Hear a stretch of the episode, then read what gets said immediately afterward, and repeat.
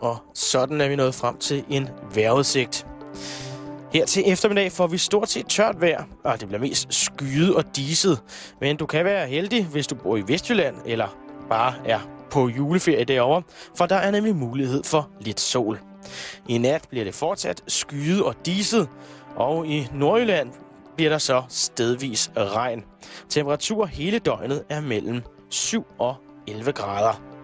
Og nu skal vi over til Halløj i betalingsringen, hvor Simon Jul drager rundt i Danmark med sin autocamper. Han har haft nogle meget interessante samtaler med Jakob Havgård. Det her, det er en af dem. Rigtig god fornøjelse. Verdens mangfoldighed fryder mig. Ja, det lyder nok lidt fransk, men det gør den altså. Jeg kommer på min tur rundt i Danmark forbi steder og mennesker, jeg ikke kender, men som alligevel åbner op og giver mig en lille smule af deres jordiske tilstedeværelse. Men jeg møder også mennesker, jeg kender. Mennesker, som betyder noget for mig, betyder noget for den eller det, som jeg er i dag. Jakob Havgård er en af dem. Jeg møder ham personligt første gang, jeg er konferencier på Grøn Koncert i 2002. På det tidspunkt har jeg dog på tv og i radio fulgt hans offentlige karriere. Først som den ene del af Jadak-duoen i et statsradiofonisk lørdagsshow og senere hen i Jydekompaniet. En film, jeg skammede mig over og synes var sjov. Jeg så Jakob som en gøjler. En titel og et ord, jeg forbandt med uendelig personlig nedtur. I hvert fald, hvis det blev sat i sammenhæng med mit eget navn. Jeg så Jakob i Folketinget i kaffeseks jakkesæt, en råben og skrigen om medvind på cykelstier og valgplakater med slogans som Hvis du kan lide lort, så stem på Jakob Havgård. Jeg havde på daværende tidspunkt lidt svært ved at se helheden i det kulturoprør, han egentlig var fortaler for.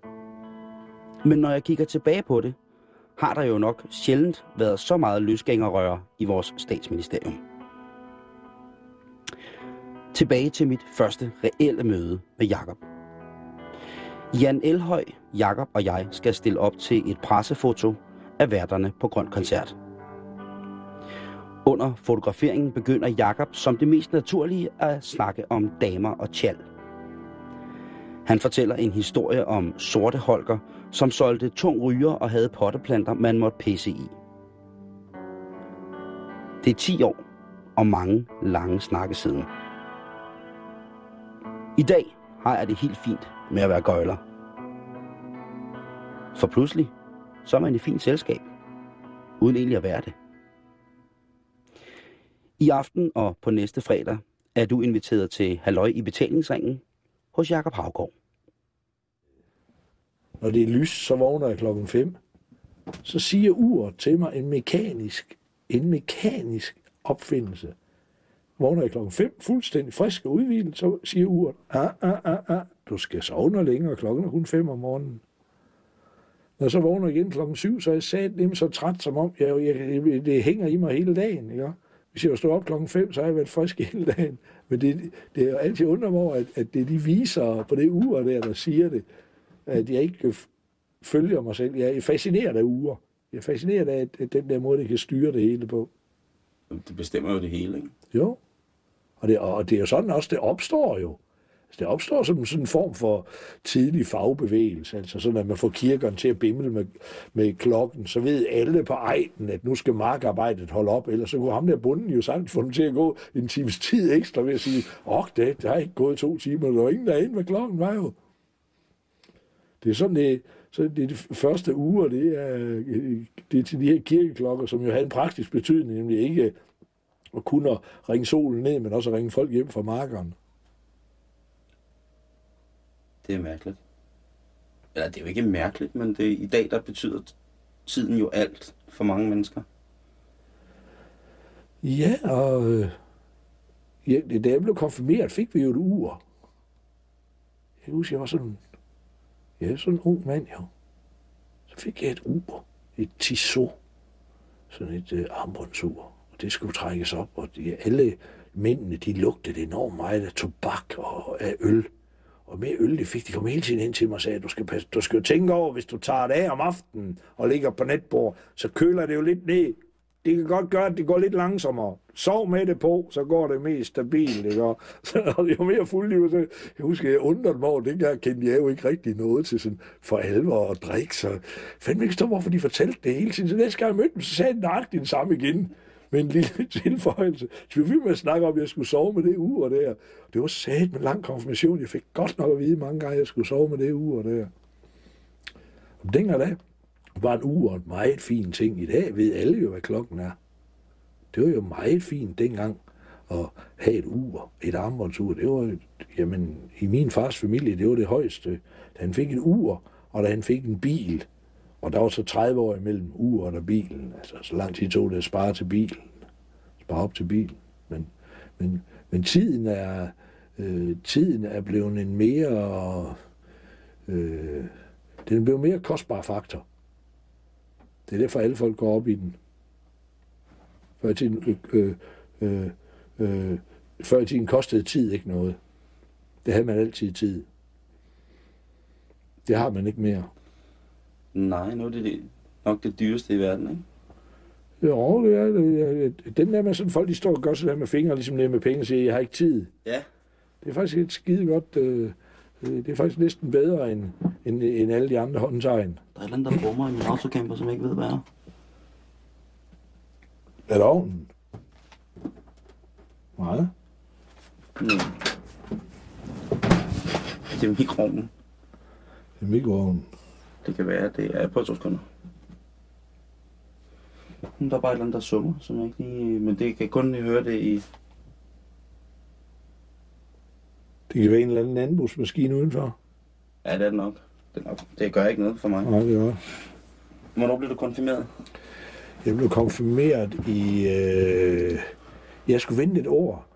Øh, jeg kom fra sådan øh, øh nøjsomme folk, øh, så jeg blev konfirmeret, da jeg var 15 år, fordi jeg, jeg fødte født den 12. maj 52. Så har jeg en søster fra den 15. maj 53. Øh, jeg var fuldstændig punker i 1967. Fuldstændig. Fik helt nyt tøj, så tog jeg sådan øh, bred tusskrive, og så skrev jeg lort op af ærmerne og B og sådan noget, men over det hele, og når mine forældre var i byen, så malte jeg deres mahoni møbler også med lort og B over det hele. ind i en pæn stue, hvor de så først kom ind tre dage efter, hvor det hele var tørret, det her plastikmaling, og gud, mand, altså. Ja, simpelthen. Yep.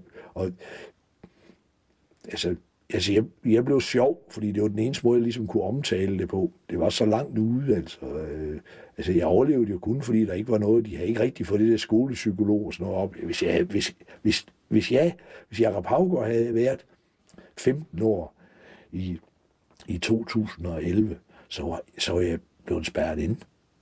Det var kun fordi min mutter, hun altid, hun stod bare imellem og sagde, I rør ham ikke. Øh, jeg opførte mig, jeg var virkelig underlig, men det rører, han fejler ikke noget. Og så var min mor, hun er fra Færøen, hun er vant til at være i fisken, så hun kunne tæske en hver mand. Indtil hun var 60, der kunne hun tæske, der skulle du virkelig passe på øren, fordi hun hamrede der en simpelthen det. Hun var virkelig, hun gik i bræschen. Og det har jeg, det har jeg så selv kørt videre med, altså. Altså, der er ikke, jeg har næsten ingen princip om, de sat ikke røre mine børn. Altså. Så, så er de fandme livsfare. Altså. Min mor var altid, hun kæmpede en kamp for mig, og der var, der var alle gode grunde til at få mig tvangsfjernet og anbragt, og der var ikke nogen, der fik lov at røre mig simpelthen. Og jeg var fuldstændig normal, sagde hun. det var fantastisk, jeg elsker min mor. blev, du, blev du et svin, når du drak? Nej, nej, jeg blev tosset. Jeg har det nordatlantiske drikkemønster, det man kender Nord-Norge, øh, Island, Færøerne, Grønland øh, og Alaska og sådan noget sted. Det er jo mere nordpå, du kommer, der har de ingen sukker i fødekæden, så der virker alkohol helt anderledes på dem. Øh, hvis jeg havde dårlig selvtillid, når jeg var ædru, så var der eddermame ikke noget i vejen, når jeg havde fået noget at drikke da.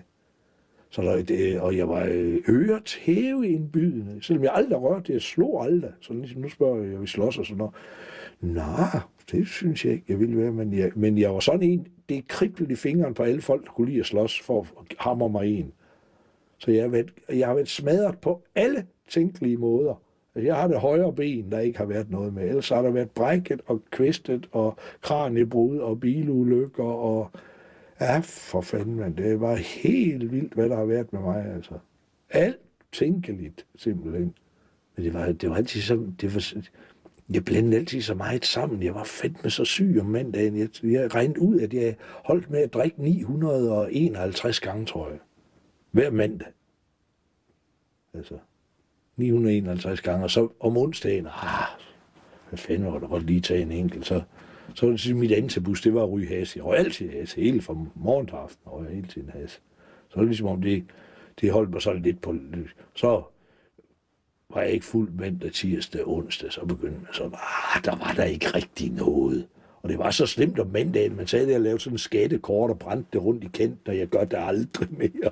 Og det var alt. Altså, altså, altså mit liv det var slet ikke, der var, jeg fik ingen uddannelse, jeg fik ingenting. Der var ikke nogen, der sagde, at Jacob er intelligent, eller hold op, han er dygtig, eller han er talentfuld. Ingen. Det var simpelthen, matchgruppe 3 eller 5, eller hvad fanden det er, en dreng, vi ikke kan nå, simpelthen. Og efter jeg blev berømt, det er helt vildt mange mennesker, der lige pludselig vil kende svimmer. Hvorfor er der det? Hvorfor kender jeg så mange? Fordi jeg er jo nødt til at få en helt ny omgangskreds hver halvår.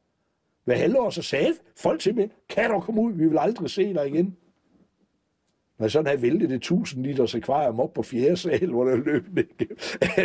og så sidde med et glas vand, pisse fuld og sige, jeg er reddet lille fisk, hvor se, sådan slører alle, der var op sådan gas, og vedkommendes fineste arv, sådan noget øh, krystal, ølglas, øh, øh, med sådan noget, sådan noget ciceleret, sådan ligesom hjertegræs i, ikke? Og, sådan, og så kunne jeg finde på at sådan tabe det på gulvet, så det smadrer, og jamen, jeg var... Hvad, hvad, er det, hvad er det for en drive, det der med farve? Det er sidst ende, når jeg vil dø. Ja, ja, det er derfor, jeg er så farlig eller så vild. Det er, at jeg er fuldstændig ligeglad.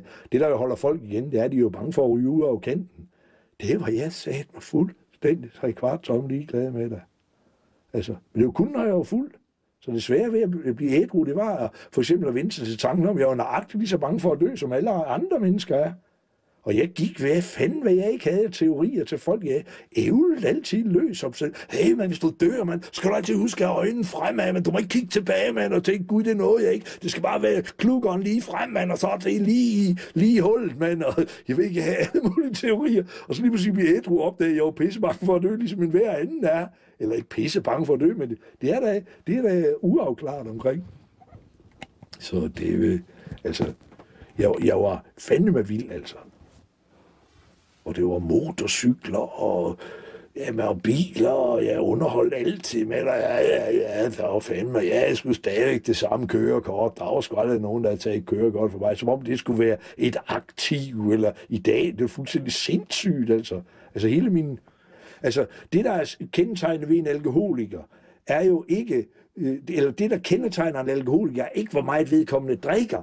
Det er vedkommendes adfærd, når vedkommende drikker. Det er det, der er at gøre en alkoholiker speciel. Jeg kender sgu mange, der drikker mange øh, genstande hver dag. Dem vil jeg aldrig kalde alkoholikere. De har en fuldstændig normal adfærd. Men jeg havde altså, den bedste beskrivelse, jeg har fået af en alkoholiker, det er, at en alkoholiker er en, der synes, at det lyder rigtig godt, at en mand han har skudt konen med bur og pil for ikke at vække ungeren. Det synes han, det, det er sgu fandme klogt gjort, når du skal skyde ungeren, så gør det med bur og pil, så du ikke vækker konen. Ikke? Altså, det, det, og i, øh, altså, det jeg lærte, da jeg blev ædru, det var øh, sådan en lille bøn, der sådan, giv mig min sunde fornuft tilbage. Giv mig min sunde fornuft tilbage. Man kan godt, jeg tror, jeg har været periodevis alkoholiker. Fordi jeg har godt kunne sanse, hvis der var nogen, der sagde det der med bue og pil og skyde familien, ikke? Ja. Men jeg vil også kunne have vemmet ved mig selv ved at vide, at jeg på et tidspunkt har tænkt, det var da smart. Og så, fordi jeg vemmes ved at have tænkt det, så gør jeg det enten til noget sjovt, eller så begyndte jeg at drikke over, at jeg vemmes ved det. Eller så drak jeg bare konsekvent, og så lavede jeg sjov med det. Har du nogensinde overvejet, om, om hvis, hvis du stoppede med at drikke, om du ville være sjov? Jamen altså, da jeg, da jeg, øh, altså jeg løb jo ind i den usynlige mur med et brag, og da jeg så, så blev jeg ædru, og så skulle jeg jo, jamen jeg troede slet ikke, man kunne leve med, jeg vidste ikke, hvad jeg skulle stille op, jeg troede slet ikke, man kunne være sjov, uden at man drak eller på den led. Det... Men altså, altså mit liv, jeg har aldrig haft noget, noget rigtig voksenliv. Vi var, vi, da jeg starter, jeg starter på Vejleberisk Amts Gymnasium i 1969, der er vi en flok, der mødes, og vi starter med at misbruge. Det var, det, det øh, altså, altså, jeg tror et eller andet sted på vor herre. Altså, ellers så kan jeg slet ikke forklare min situation. Der, vi, havde, vi, vi, vi ville ikke andet end at være pisseskæve og fuld hele tiden. Det var det hele øvelsen gik ud på. Vi havde slet ikke... Jeg husker, da jeg kom i behandling, så kom jeg til at sidde sammen med en dame. Så siger hun, ja, hun har jo taget behandling. En nydelig dame. Så jeg har jo taget behandling, fordi lige så kunne jeg ikke huske, hvad jeg lavede om aftenen. Og det brød jeg mig ikke om. Og det er sådan helt... Det er jo almindelig, det er så almindelig menneske, der drikker for meget. Og jeg sagde bare der, jeg har da aldrig, jeg har aldrig prøvet at drikke alkohol, hvor, hvor jeg kan huske, hvordan aftenen slutter. Hvad er det der for noget? Hvad er det for et sted? Er jeg gået forkert? Eller, eller... Så, når jeg er sammen med alkoholikere, så er jeg da en af de få, der har drukket og røget mig til det hele. Jeg har ikke røget. Alle andre, de har drukket og røget sig fra det hele. Jeg har drukket og røget mig til det hele. Men det forandrer jo ikke min situation. Og øh, det, der har reddet mig, det er komikken. Fordi jeg kan, omtale, jeg kan tale om det ved hjælp af komikken. Det fine med komikken, det er jo, at jeg kan sige noget, jeg kan slynge noget ud, og så kan jeg se, hvordan folk reagerer, og, og, og så mit analyseapparat er så skarpt, jeg kan se, ham og hende der kan jeg snakke med dig om, resten kan jeg ikke. Altså, hvis man ikke bliver knækket af tilværelsen, så går man styrket ud. Altså, jeg overlever på, på mirakuløs vis. Jeg tror, og de første Jeg kan huske, de kom sådan hen og spurgte mig sådan, om jeg ikke ville i familiepleje, dengang jeg var sådan 19 år. Familiepleje, fanden, om de var rigtig kloge, altså. Jeg hvem, var det, der, hvem var det, der spurgte om det? Gamle klassekammerater. Jeg, jeg, boede jo i Rigskov, til jeg, jeg flyttede først hjemmefra, da jeg var 19 år. Når jeg sådan så mig, hvordan jeg opførte mig, jeg var fuldstændig bindende gal. Hvad sagde de gamle til dig? De vidste ikke rigtigt sådan. Så WHO, og de vidste det godt, men hvad fanden skulle de stille op. Jeg var ikke til at styre på 10 tønder land. Det var altså.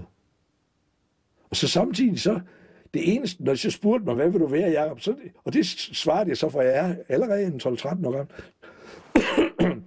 og spurgte hvad vil du være, Jacob? Jamen, jeg vil være berømt.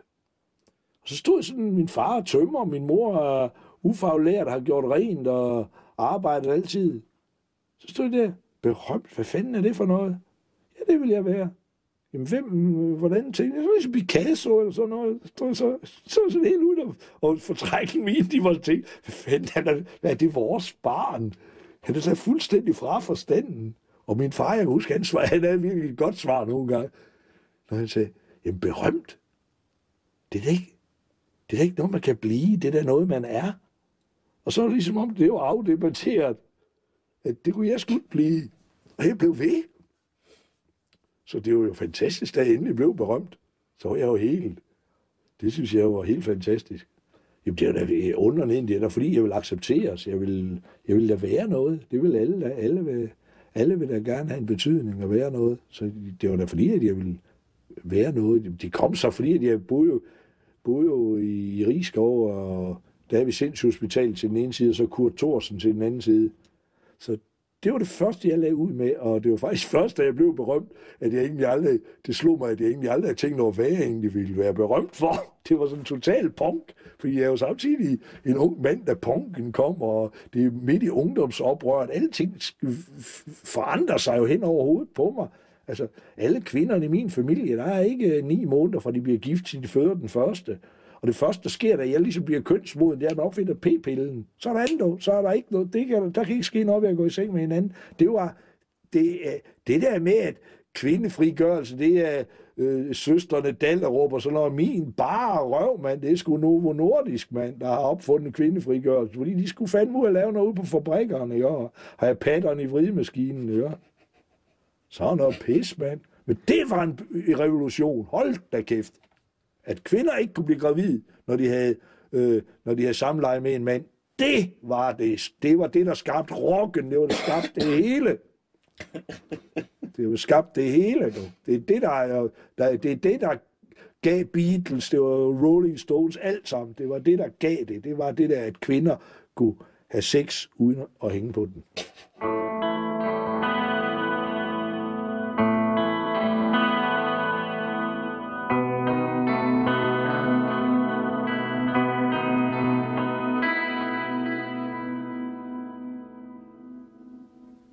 Hvordan øh, finansierede du den der ungdom der? Socialhjælp. Det var, jeg mener selv med overførselsindkomst, at man skal tage dem, imens man har helbred til det. Det skal man så. Jeg tog dem, da jeg var ung.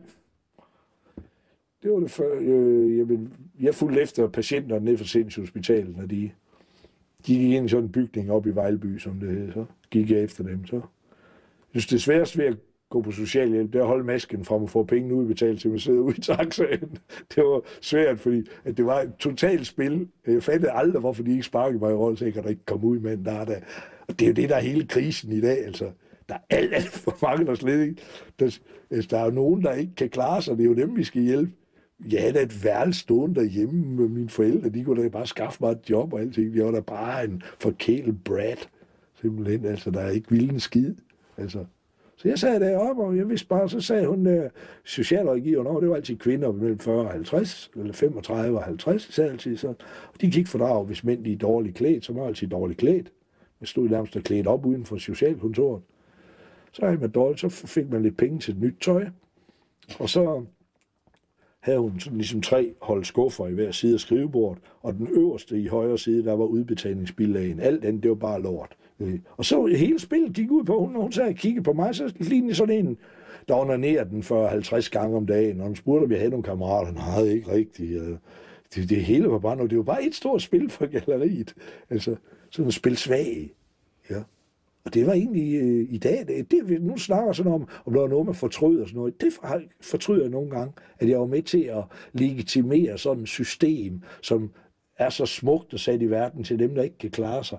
Og så var vi så mange, der sagtens skulle klare os egentlig. Og så gik der et par dage, så havde jeg ikke flere penge. Men så det, det var sådan hele min taktik. Hellere være rig i to dage, end at gå og suge på lappen. Og så gik jeg over til samle flæsk, og det var, det var også ofte derfor, jeg fik bank. Så kunne jeg godt gå ind på et værtshus og så stod, øh, hvis jeg bare lige fået lidt bajer at starte på, så jeg havde fået lidt gang i systemet, så kunne jeg godt sådan stå, nå for sat, det var jeg med, med der er et helt vildt maleri derinde, så når alle sammen kiggede derinde, så kunne jeg godt lige sådan noget at drikke deres drinks, hvis de så tog mig i det, så fik man så faldt hammeren jo også der. Men det var sådan en, de andre ikke måtte lege med. Tænkte du ikke over det, da du, da du blev far? Jo, men der var jeg jo ligesom blevet tæmmet lidt. Altså, jeg, er jo, jeg bliver far, da jeg er 30 år først. Altså, og min vildeste, øh, allervildeste periode er fra jeg er 17 til jeg er 28 til at møde min kone. Jeg er sådan et klassisk eksempel på en mand, der bliver tæmmet af en kvinde. Altså, jeg levede jo i mange år med, at de ligesom sagde, når jeg så, ligesom TV2 siger, nå, det var så livet, nå, er det så det, ligesom sådan, nå, det var så det med Jakob, det var, hvad der blev ud af det, den her, i alle øjne ellers, øh, øh, ja, intelligent og velbegavet og sådan noget. Så, så, så da jeg ligesom rejste mig døgnet, altså det var jo egentlig, fordi jeg mødte øh, øh, min kone Ilse, at jeg, jeg lige pludselig rejste mig op, øh, så ville jeg ikke gå på socialhjælp mere lige pludselig. Gik hjem til hende og spurgte, kan du forsørge mig? Ja, det kunne hun godt. Og så. Har jeg aldrig været der siden. Det er i 82. Og lige pludselig, en af de ting, der sker, øh, ved mænd, når de får børn og sådan noget, det er, at man vil godt forsørge det. Man vil godt, øh, der går jæger i det. Man vil godt komme hjem med noget bytte. Og sådan noget. Så, så startede jeg med saxofonisten Claus Carlsen. Og så begyndte vi at spille sammen. Vi har sådan en duo. Og det betragter jeg selv som mit absolute hovedværk i dag. Det var den duo, vi havde der. Havgård og Carlsen. Spillede meget rundt omkring i hele Danmark. Og mange kender til det her og har set det live som vi savede møbler i stykker, og vi havde sådan noget så skovlet vi solo, og vi havde sådan nogle margarinebælger med med ral i, og så stod vi og skovlet, og det er i den konstellation, at Kim Larsen, han hører Hawaii, og siger, at må jeg ikke indspille den til midt om natten, og så lige pludselig så, den midt om natten er jo, det, den hører han i 82 også. Det hele sker i 82, jeg holder med socialhjælp, alle de der ting der, men samtidig så øh, kommer filmen jo derhen i 83, øh, i 384. Der får jeg rigtig mange penge fra Hawaii. Så, så det, det er jo ligesom om, at øh, jeg plejer sådan, jeg, jeg, jeg kan godt, enormt godt lide religion. Det kan jeg. Og der er den der faderen, sønnen, og så er der helligånden. Og det der helligånden, det er meget svært at finde ud af det der. Så det kalder jeg heldigånden. Så er det egentlig meget let at forstå. Og den skal man jo have med sig. Det ved alle folk, der arbejder i showbiz. Altså, det kan da sgu da godt være, at du har en god sang, men står der ikke på det rigtige tidspunkt, på det rigtige sted, så bliver det sgu ingenting ud af den sang. Det er så ligesom, der, det er træenigheden. Der er tre ting, der skal være i orden, for, og så klikker det. Så sker der ting og sager. Så jeg stod og sang den der sang der sammen med Claus Carlsen der, og vi brugte meget rytmeboks, og sådan noget, der sidenhen blev meget populært. Men det var, det var vi virkelig banebrydende med, og det virkelig vanvittigt show, vi havde der. Og så, så stod Claus i et par gummistøvler, så imens jeg introducerede nummer, så trak han gummistøvler meget omhyggeligt på, og havde en hæksaks, og stillede op i sådan en stor øh, jernbælge, det er en margarinebælge, sådan en stor bælge med ral i. Hvad ral? Sådan noget ligesom fra en indkørsel, sådan nogle små sten. Det gav så... Og så havde han en hæksaks, så gik han 1, 2, 3, 4, og så på 2 og 4, der slog han saksen sammen, den der hæksaks. Og så på et tidspunkt, da jeg var henne i nummeret, så vendte jeg mig mod ham og sagde, solo, så sprang han ud, så havde en lille skovl, så skovlede han lige en omgang gennem på den der, det der ral efterhånden, så var der, var det så meget støv nede i det, at, at det blev enormt flot i lyset, der, når der var lys. Jeg er blind. Jeg kan ikke se en pind. Jeg kan ikke tale lige nu.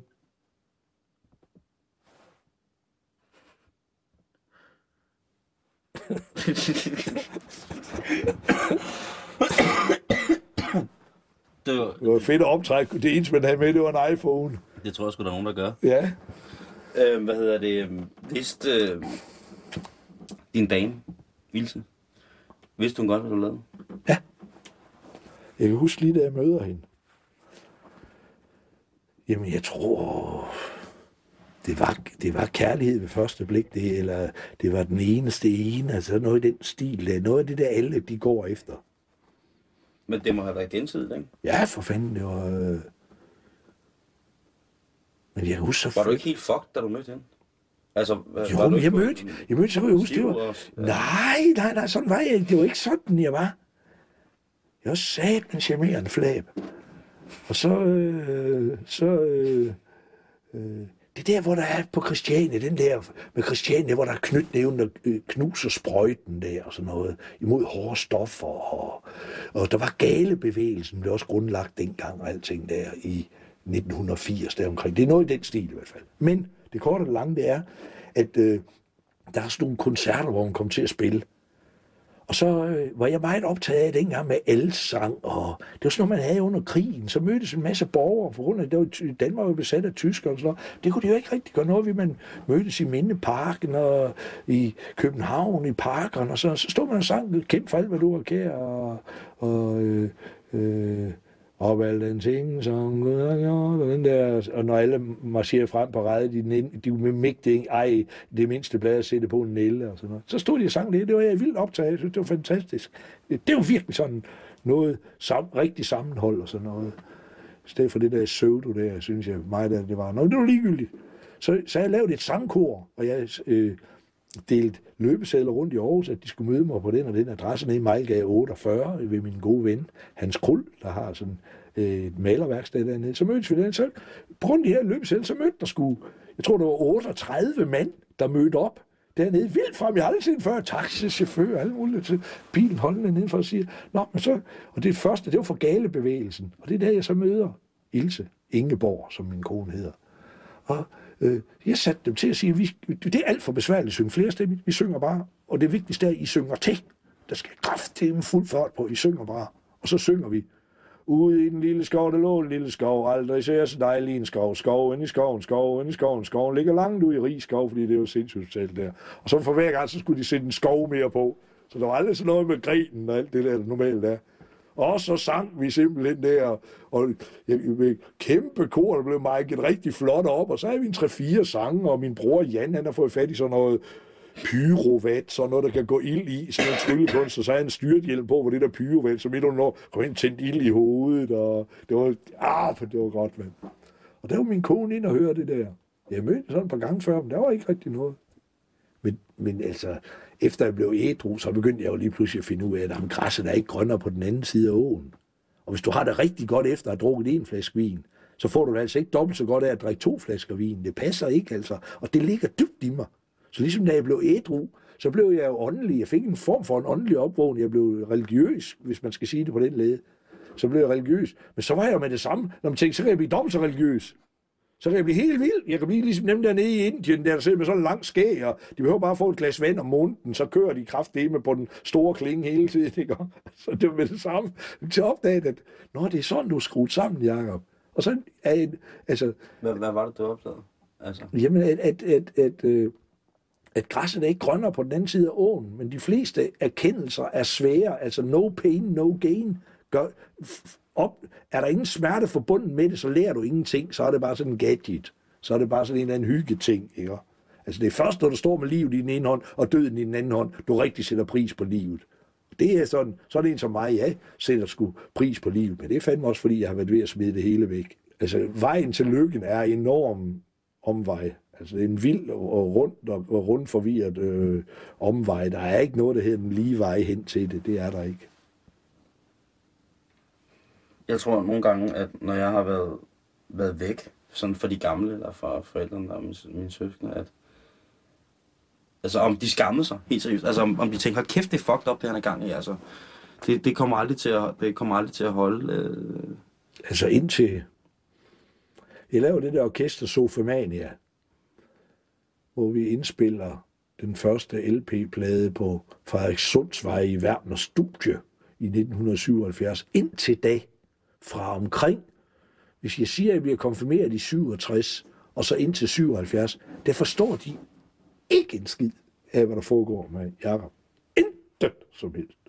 Intet. Jeg går lort på tøjet. Jeg er øh, fuldstændig uartikuleret. Jeg er, jeg er ikke engang elegant, eller jeg er ikke engang så, de kan sige, wow, ej, hvor er det sjovt, og I var, øh, er han kreativ og sådan noget. Overhovedet ikke. Fatter ingen ski, og det er første nummer, jeg laver. Det er sådan, det, jeg, kunne, jeg tager selv familien hele tiden, men jeg kunne sige ligesom, bla, bla, bla, ligesom Anders Sand. Så jeg gik bare, jeg sagde ikke andet i to år. Altså, det var fuldstændig manisk lige til at indlægge.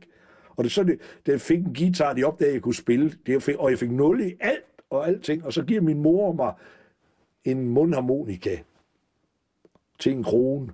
Og så spiller jeg kun mundharmonika hele tiden. Så, han kan være, han er musikalsk. Der er nemlig ikke nogen i min familie, de arbejder alle sammen. Der er ikke nogen, der lever af noget som helst, der kan ligne kunstnerisk.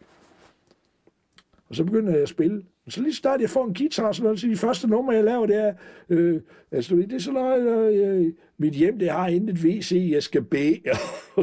Far for noget, du ved, de kan jo godt lide Rakel Rasteni og Gustav Winkler og sådan noget, Kenny Bøtger og så. Det er alt sammen sådan noget, hvad herre Jimmy, hvad foregår der i hovedet på manden, altså?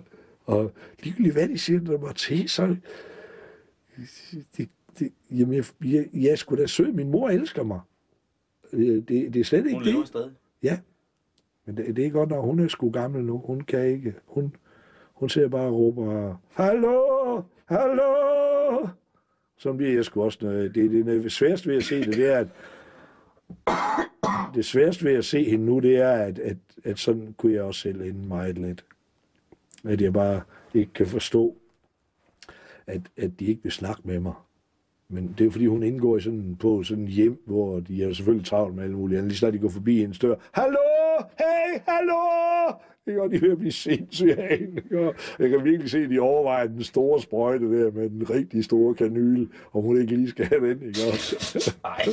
jo, for satan. Hun er godt nok, hun er godt nok øh, hård. Altså, men altså, det er, altså, jeg elsker min mor overalt på jorden. Hun, hun, det var min mor, der var min redning. Det er ikke, ikke, øh, Det var simpelthen hende. Hun, aldrig hun lukkede døren, aldrig hun, hun, hun blev ved med at sige, at du er god nok, selvom man kunne se, at hun ikke knap nok mente det selv. Så var hun så, var hun så strengt. Øh, hun var så, så, det var så principfast, at det er mit barn. Og jeg bruger det selv over for mine egne børn. Så det er ligegyldigt, hvad de har lavet, eller hvad de vil. Jeg vil altid være der. Og øh, det er ligegyldigt, hvad de har lavet, så vil jeg være der. Fordi det skal, det skal jeg være. Jeg skal tage mit ansvar alvorligt, og jeg er stolt af i dag. Sådan skider ikke som mig, som egentlig kunne lige så godt få tvangsfjernet ungerne. Og, øh, altså, hvis jeg endte i kløren på nogen af de ville jo øh, med samme sige, at man ikke havde forældre i og ja, alt muligt. Ikke? Og er der noget, mine børn de kan, det er, de kan sætte mig arbejde fysisk, altså virkelig tage fra, ikke? Og de er pisse dygtige til, at de studerer for fine eksamener, alting, de er sindssygt dygtige. Vi kan det med vaske et gulv og tømme et lokum, det kan jeg love dig. Og det har jeg sat en stor ære i, at de kan. Og det, og, men samtidig så vil de også regne med mig. Så længe jeg er til, så, så skal de, hvis jeg har, så har de sgu også. Jeg har bare registreret de psykologiske mekanismer, jeg skal passe på. Jeg skal ikke gå op i, at skatten er for høj. Jeg skal i stedet for sørge for at tjene nogle flere penge. Så jeg skal ikke gå op i, hvad skatten er. Jeg skal bare tjene flere penge. Jeg skal hele tiden gå til mulighederne og aldrig gå til begrænsningerne. Fordi så er jeg er så sort-hvid, at, at, at når jeg går til øh, mulighederne, så er jeg helt fantastisk med muligheder. Hvis jeg går til begrænsninger, så er jeg ekstra begrænset. Jeg er ekstra åndssvag. Ekstra indsnævret. ekstra nære i alt muligt. Så jeg skal bare ikke have det der. Samtidig så er jeg også... Øh, jeg, jeg, lige indtil jeg blev ædru, der var jeg altid en 2-63 kilo. Jeg har flakkende øjne. Jeg har sådan øh, øh ADHD. Alle drenge har det. Agtige attitude, sådan flakkende øjne og lille øh, scene der. Så det er jo ikke sådan, at man regner med, at jeg er en voldsmand. Nej, det er jeg ikke. Jeg er rovmorder. Jeg, jeg, jeg, jeg simpelthen rykker simpelthen skelettet ud gennem røvhullet på folk, og det gør jeg gerne. Og jeg er fuldstændig ligeglad med, at jeg, jeg er kold i røven, hvis, når det, hvis, det, hvis, det er det min, hvis det er dem, jeg kan lide, det, det står på spil, så går der lige pludselig et eller andet ved mig. Så, så er jeg ligeglad med prisen. Det skal, og jeg skal passe vildt på det. Jeg holder med, ja, mange gange. Mange gange, men det er jo mest sådan noget med, at jeg trak mig for ting, og så er jeg fuldstændig ligeglad med, hvad det havde konsekvenser for mig. Altså, jeg har kun slået fra mig en enkelt gang, og det, jeg tør ikke. Jeg tør ikke. Jeg er så voldsom. Så ham, ham den der mand, der kom efter mig, kan jeg huske dengang, det var da jeg sejlede, og vi lå der og vågede et eller andet sted ude ved, jeg ved fandme, Azoren eller sådan noget der. Så kom de ind for at tage mig, som de kaldte det. Fordi de synes jeg var lige udflippet nok. Det var så stor krydstogsskib, vi var over 300 mands besætning. Så kom sådan en rødhårdt nordmand ind. Jeg siger, han var en meter og 90-95. Kæmpe mand. Altså næste dag, der kom han med brækket håndled, mand. Han lignede Garfield, øjnene, jo, jeg sparkede ham ned og hoppede på mig. Jeg var fuldstændig sindssyg. Altså, jeg tør slet ikke... Øh, øh, der er en årsag til, at jeg er pisseflink. Det er fordi, at den anden side af mig, den skal jeg bare ikke vise frem. Og det kræver fuldstændig, jeg er ligesom kineserne. Jeg er skideflink indtil et vist punkt der, men så skal jeg, jeg vil se, at jeg kommer i skjul. Den, den, side, den, den, den tror jeg, den side ved jeg, at har været fremme i mig. Og det, man bliver jo, altså, når du har, hvis man har været så langt væk, hvordan kan du så være sikker på, at det aldrig er sket? Det ved jeg heller ikke. Det ved jeg heller ikke.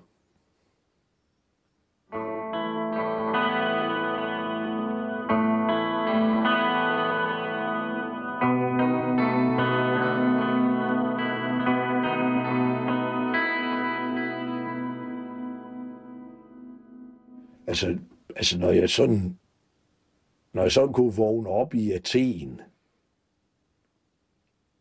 og så opdage, at jeg var i bil. Altså, det tager 66 timer. Jeg har kørt mange. Vi har en søster, der boede syv år i Athen. Ja.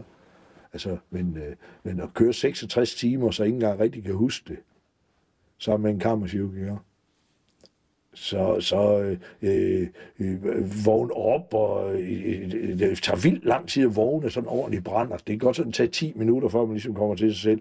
For de hiver sne i mig, og der er nogen, der fik prøvet at få mig op og sidde, og de, de tænkte, fanden af type røn af Harboøre, eller sådan noget. Så, så var jeg i London. Altså det der engelsk, det lød ligesom sådan noget øh, rigtig vestjysk. Og, altså, og, så kunne man så begynde at stykke det sammen baglæns. Nå, det må være det, der... Nå, ja, nu. Hvis de ja. første flere timer, man var vågen, man tænkte, hvad fanden laver jeg her? Ja. Altså, og, altså da jeg bliver ædru, det, det, jeg, jeg gør det helt klassisk. Ja, til min mor og min far, ja, og, og øh, søger, om, søger afbigt. Så man spørger, om de ikke vil tilgive mig undskyld. De vidste jo i, i, i månedsvis, at ikke, hvor jeg var henne. Ingen anede, hvor jeg var henne. Jeg kunne lige skal være død. Hvor lang tid har du været væk? Jamen, jeg kunne da sagtens være... Jeg kunne da sagtens stige ind i... en- Jamen, det var da... Det var, ja, det der London, og de der... Det fandt de så ud af, men, men øh, jeg kunne da sagtens stige ind i en bil i Aarhus, og så køre et eller andet sted, så først kom tilbage et par måneder efter. Ingen anede, hvor jeg var. Jeg var som sunket i jorden. Og, og det var hele tiden sådan noget i, i den stil. Og, og noget af det var forfærdeligt. Altså, jeg, jeg synes... Øh, altså, ligesom når vi snakker om sådan, hvad er egentlig sjovt? Jamen, jeg synes tit, det er sådan noget tragisk, noget, der er sjovt, eller... Ja, hvad er det egentlig? Altså, Det fordi jeg jeg, jeg er jo i tvivl. Jeg skal jo lave satire. Jeg er sgu ikke rigtig sikker på, hvad satire er. Altså, jeg har kigget lidt på det sådan som, at nogle af den genre, som sådan konsekvent tager nogle ting ud af samfundet, aktuelt eller uaktuelt, men og laver grin med det, det, det er meget revy. Jeg synes meget af det, som jeg har beskæftiget mig med med comedy, som har været mig, mm, har været, det har kun handlet om mig. Og det er måske lidt en tendens. Men sådan de mere samfundsrelevante ting, har kun været revyerne.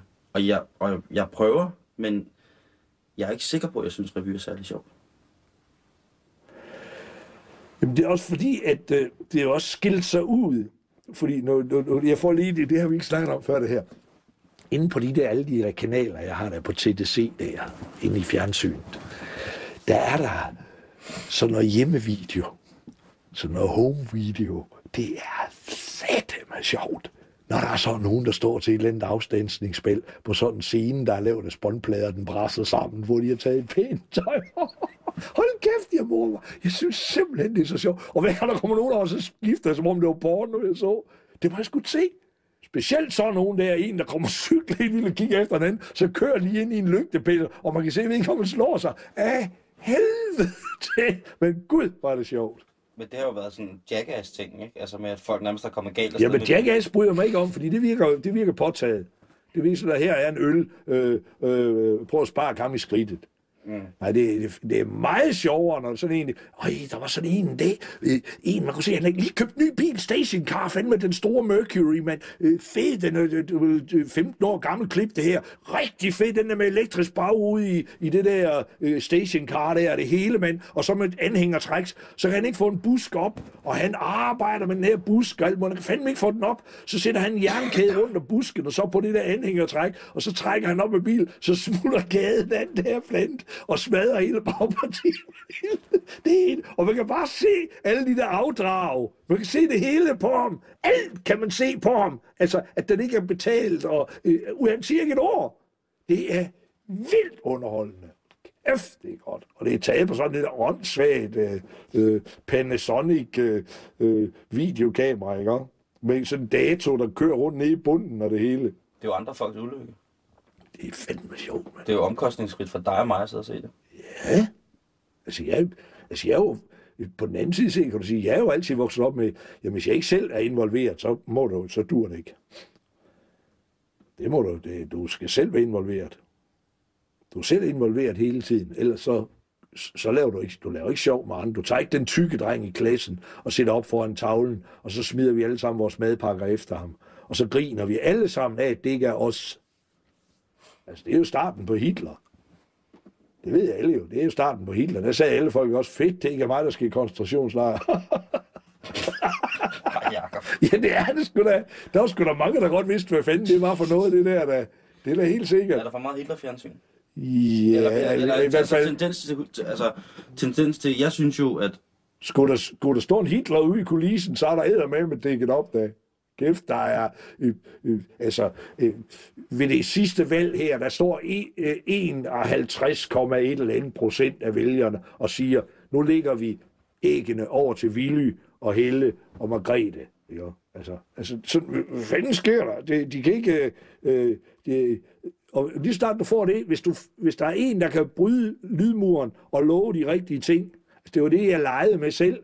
Godt vejr, flottere julegaver, medvind på cykelstierne, Nutella i feltrationerne. Det kan du bare gøre, det var sådan det, der var ideen i det, ikke? Og det kan du bare gøre i overført betydning, øh, i politisk betydning, sige, nu skal I se, nu får jeg noget her, og op, op, op, op. Så, Altså, er lover fjernsynet for meget, eller hvad? mm, øh, Eller kom, Nej, hvis du, comedyen- hvis, hvis, hvis, du, hvis du mestrer fjernsynet, så kan du få magten over folk, selvom du ikke vil dem noget. Hvis du, gik, hvis du blander det sammen med den politiske sfære. Okay, okay. Så, Så vil du, så vil, så vil, altså jeg vil, jeg vil, jeg vil, jeg vil mene, at Amalie og Sidney Lee, de har alt til at blive rigtig gode politikere. Og det er et, en sørgelig kendskærning, at hvis vi fandt en eller anden resteplads heroppe ved Odense, ligger der en, der hedder Kildebjerg. Og hvis vi sagde, at Simon Juhl og Jakob Havgård optrådte derop, der var kommet to luder og en lommetyve. Men hvis Amalie og Sidney lige kom derop, mand, så var der været sort. Det er jo ikke til at komme til. Og det er det, de mangler, alle politikerne. Hvordan trænger vi igennem? Så kan der bare få nogen til at give dem budskaberne. og det er også gået over, over comedyen. Ja, comedyen, de ved jo slet ikke, hvor... Øh, altså, det er jo ligesom om, at de har fredet SF. Hvorfor laver de ikke noget fis med dem nu? Mm. Altså, jeg har øh, prædiket i overvis, altså, hvis I skal være komikere, så bliver I nødt til at stemme blankt. I kan da ikke, I kan da ikke stemme på nogen, så kan man da ikke lave fis med dem. I er nødt til at kunne skyde på alt. Altså, Der der bliver nogen, der bliver nødt til at... Og hvorfor fanden er der ikke nogen, der er flere? Nu spørger hende af Johannes Schmidt Nielsen. Nå, hvad så har I så fået alle jeres stemmer? Er det, det er jo dig, der har trukket dem, fordi du er sådan køn lille godte der, der ligner naboens datter. Nej, det er det i hvert fald. Det er vores sammenhold. Sådan en løgn. Det, det, det, det er sgu da comedy, mand. Come on, mand. Ikke også? Ville Søvndal med slips, mand. Hvad fanden er det? Det er comedy, mand, ikke? Altså, øh, hvorfor er der ikke nogen, der snakker om, hvor meget fise Helle Thorning hun får? Hun ligner kraft det med en kiks. En rulle kiks. Så der ikke? Der er ikke nogen, der kommer med nogle bud, fordi at de alle sammen ligger deres æg over på den fløj politisk. Så det, nu Lars Lykke er der ikke er mere, så er det neutraliseret. Men, men, men øh, at der ikke er, er mere sjov, der bliver ikke lavet, at der ikke bliver lavet ordentligt kvalificeret fis med det der, det forstår jeg simpelthen ikke. Og det er fordi, de alle sammen stemmer derude, så det kan de ikke. Og det er, da, det er da okay. Alle andre mennesker skal da stemme, hvor de vil stemme. Men øh, satirikere og komikere, de kan sgu blande sig i det der spil der. Men jeg synes også, måske sat, politisk satire er, er, er, er pisse kedeligt et eller andet sted. Det er passé. Det er sådan noget andet, det er som passé. Jeg kan ikke finde ud af, altså fordi, umiddelbart hvis man, jamen, det er jo det som, ja altså jeg synes, at, at revy er dem, der gør det mest, ikke? Og det synes jeg bare ikke er sjovt, hvis jeg skal være helt ærlig. Jeg, jeg har måske været til revy 5-6 gange, og alle gange, og fælles for det, har været, at jeg har grinet på de forkerte tidspunkter. Jeg synes, det er genialt, når Ulf Pilgaard stiller sig op i Cirkusrevyen og laver en monolog, hvor han tager pis på Birte Røn Hornbæk, eller hvem det nu er, som er eller, eller, hvad, som, som, som politikvinden, Ikke? Men det er fordi, at jeg ser på noget teknisk i, altså, jeg ser på noget skuespillerteknisk i, hvad han laver. Jeg er selvfølgelig også voldsomt miljøskadet. Og det synes jeg er sjovt, at han kan styre de ting. Men når jeg så ser på alle de der andre ting, som der foregår, som skulle behandle noget, noget satire, så er det så omkostningsfrit for dem, der laver det. Jeg, og jeg, føl, jeg kan ikke føle det. Jeg, kan ikke, f- altså, jeg, synes ikke, det, jeg synes simpelthen ikke, det er sjovt.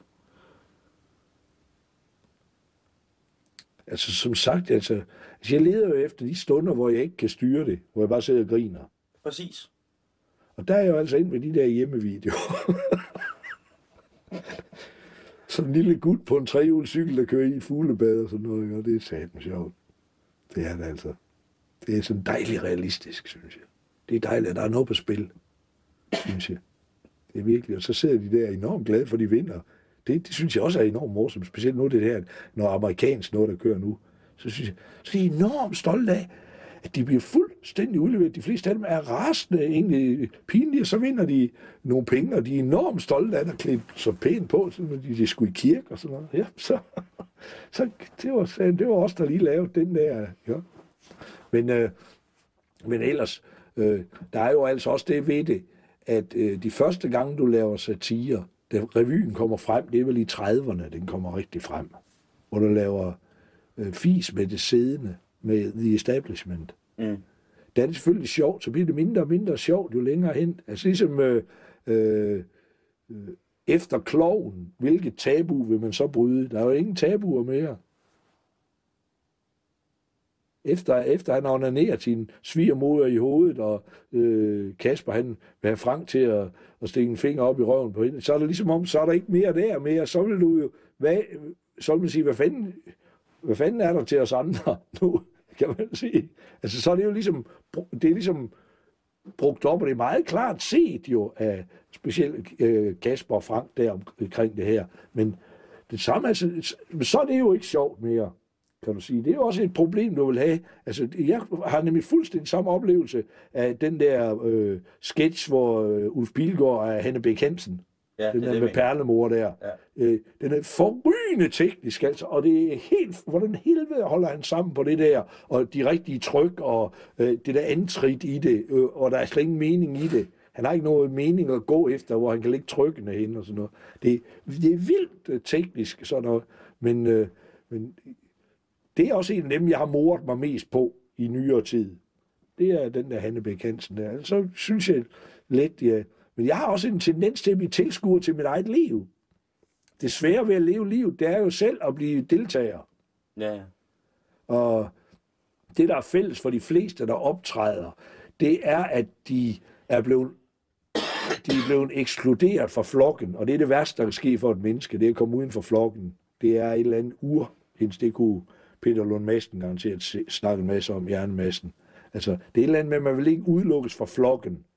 Så det, der er fælles for mange af dem, der optræder, eller de fleste, det er, at man er blevet udelukket af flokken allerede, da man var helt ung, og opdaget, det dør man ikke af, og derfor tør man optræde. For de fleste vil tro, jeg dør, hvis jeg skal derop og stå, og de andre kan have en mening om mig. Så derfor så mange der i showbiz, de for eksempel blevet mobbet, jamen det, så, de, så, ved de, så ved de godt, at det dør man ikke af. Det vil de fleste tro. Hvis jeg skulle holde en tale ved min fars 50-års fødselsdag, jamen så dør jeg snart, siger folk. Nej, du gør ej. Du bare holde den. Ja. Altså agtigt. ja. Det er i hvert fald det, øh, de fleste, der er optrådt, de har sådan en mærkværdig baggrund alle sammen. Eller utrolig mange er blevet bedt om at gå fra skolen og blevet udelukket fra fællesskabet. Og det er, øh, og, så, og så står man så op på scenen. Der er en hollænder, der har lavet en vanvittig små kæbning omkring sådan noget, hvor han får det, det, der svarer til det kongelige teater i Holland. Og så står han i smoking og det hele. Og så står han i døren, og så modtager han folk, alle dem i cowboybukser, dem som, det er kun dem i kjole og hvidt, og det rigtige teatertøj, han lukker ind i salen. Resten, de bliver, værsgo, den anden vej ud.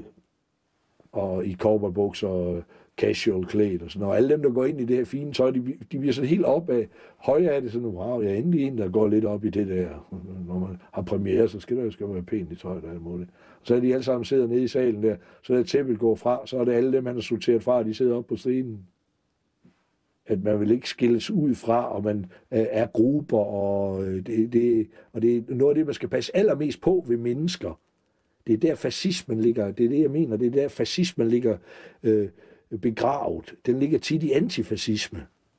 Altså det er også tit det der med hele tiden at sidde og sige, vi er rigtige på den, og det griner vi af, haha, det kan du ikke se det sjove i det her, agtigt.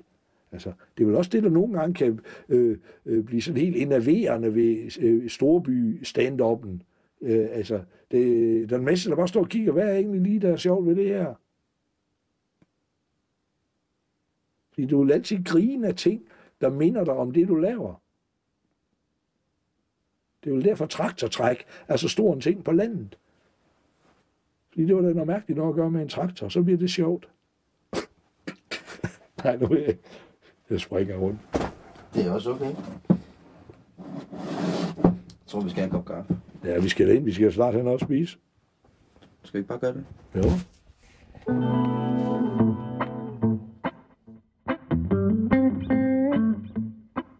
På næste fredag kan du høre Jakob fortælle om den sindssyge transvestit Obatashi, tidsdrikkeren Ida, og om hvordan det er at have et sindssygt hospital i baghaven.